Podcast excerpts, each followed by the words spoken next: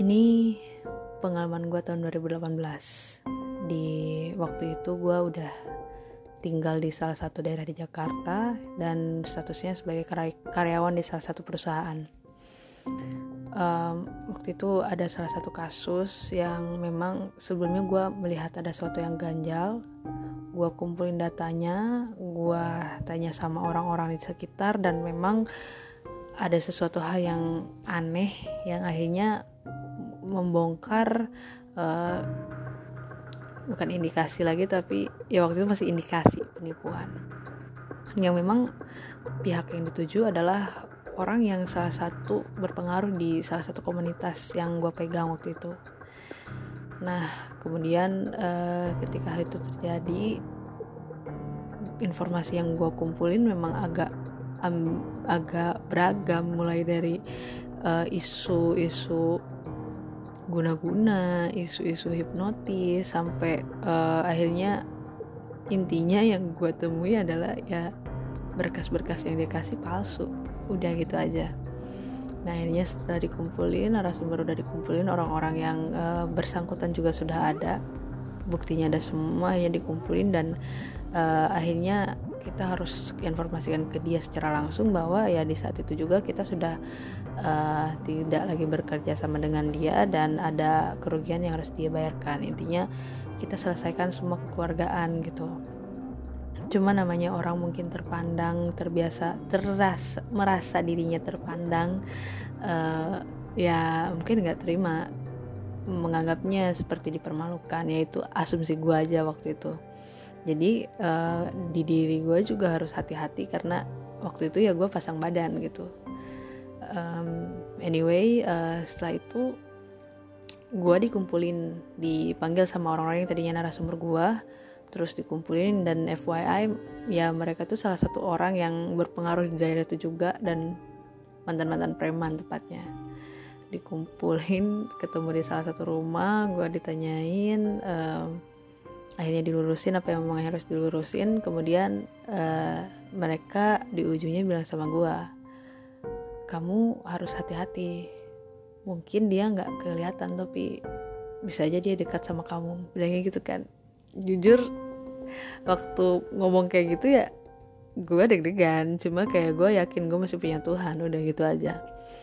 Uh, karena gue ketemu langsung dengan korbannya yang waktu itu kena tipu waktu itu ada tiga orang lah yang menceritakan bagaimana proses uh, mereka bisa terjerat dan ya ceritanya panjang-panjang lah ya. Terus gue agak kaget bisa sebegitunya. Anyway ya intinya semua sudah baik-baik aja. Gue pulang besok harinya tepat masih besok harinya langsung tuh gue langsung dapet teror di handphone dihubungi orang-orang yang nggak kenal itu siapa. Kemudian hmm, untungnya mereka ngasih kayak inisial nama gitu ke gue terus gue cek kan Hah, kenapa mereka manggil nama gue bukan nama yang nama Dewi? Gitu kan. Biasanya kan nama gue Dewi atau Sekar gitu kan. Terus tiba-tiba ini ada nama yang dipanggil tuh nama belakangnya. Dan yang tahu bahwa gue paling gak suka dipanggil nama belakang gue karena aneh waktu itu jadi cuma dia doang ya gue menjurus ke dia dong. Terus akhirnya gue cari informasi di mana kenapa orang-orang ini dapat nomor handphone gue dari mana gitu kan. Bahkan mereka bisa masuk ke grup private tapi pas gue lihat mereka masuknya lewat link. Ya ini link WhatsAppnya gue uh, revoke jadi linknya udah berganti jadi orang nggak bisa masuk dengan link yang lama. Kemudian gue kick semua orang-orang tersebut karena mengganggu di grup yang memang private itu dan menganggapnya itu gue sebagai uh, di grup itu orang-orangnya adalah peracur dan gue kayak uh, mucikarinya gitu.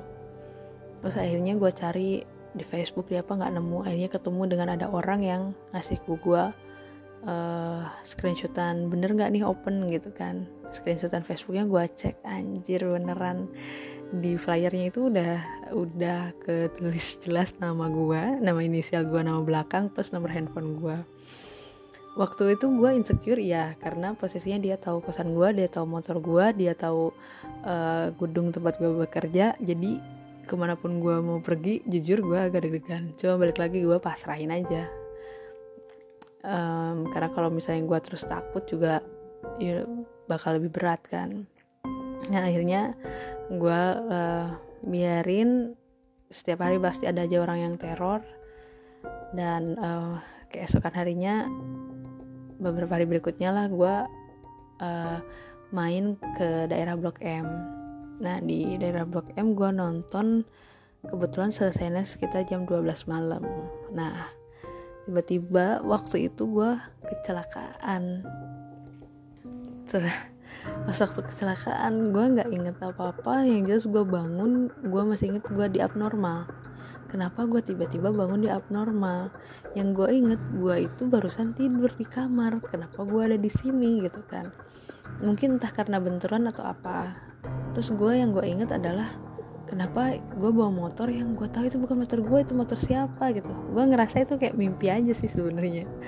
Terus akhirnya gue orang-orang tuh udah kan ngerecokin eh, apa ngerecokin apa maksudnya ngebantuin gue uh, ayo mbak mau saya anterin gini gini gini. Gue ngerasa nggak ada di badan gue yang gue rasa sakit gitu.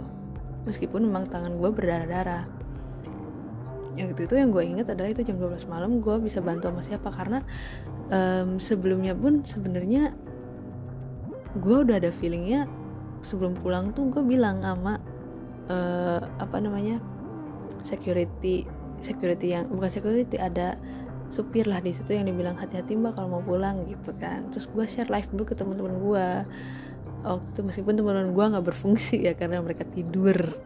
Gue bilang gue bilang gue share live karena gue mau pulang malam. Waktu ini lagi banyak isu uh, pembegal orang-orang Jawa Barat karena Viking meninggal dibunuh orang Jack Mania lah atau sebaliknya gue nggak tahu anyway habis itu gue pulang.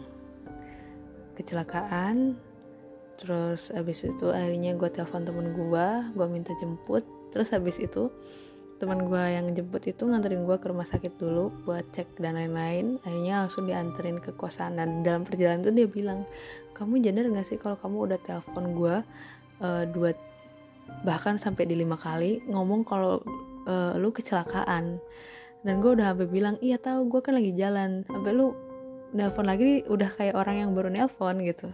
Lima kali dan berulang mungkin masih ada benturan jadi gue agak kurang-kurang ingat gitu. Gue hubungin kakak gue untuk bisa nemenin waktu itu. Akhirnya kakak gue nemenin besok harinya nemenin gue di kosan. Kebetulan itu hari minggu kalau nggak salah. Nah itu gue baru kerasa sakitnya badannya. Kakak gue nyamperin. Nah waktu itu gue ngerasa udah enakan akhirnya gue bilang ayo lapar gue pengen makan. Keluar gue udah bawa motor gue se gue sendiri waktu itu. Kakak gue gue bonceng. Pas waktu keluar kos itu kan ke tengah jalan gue jatuh lagi. Dan itu ada udah ada mobil di dekatnya jadi untung bisa ngerem lah intinya. Ya udah nggak apa-apa.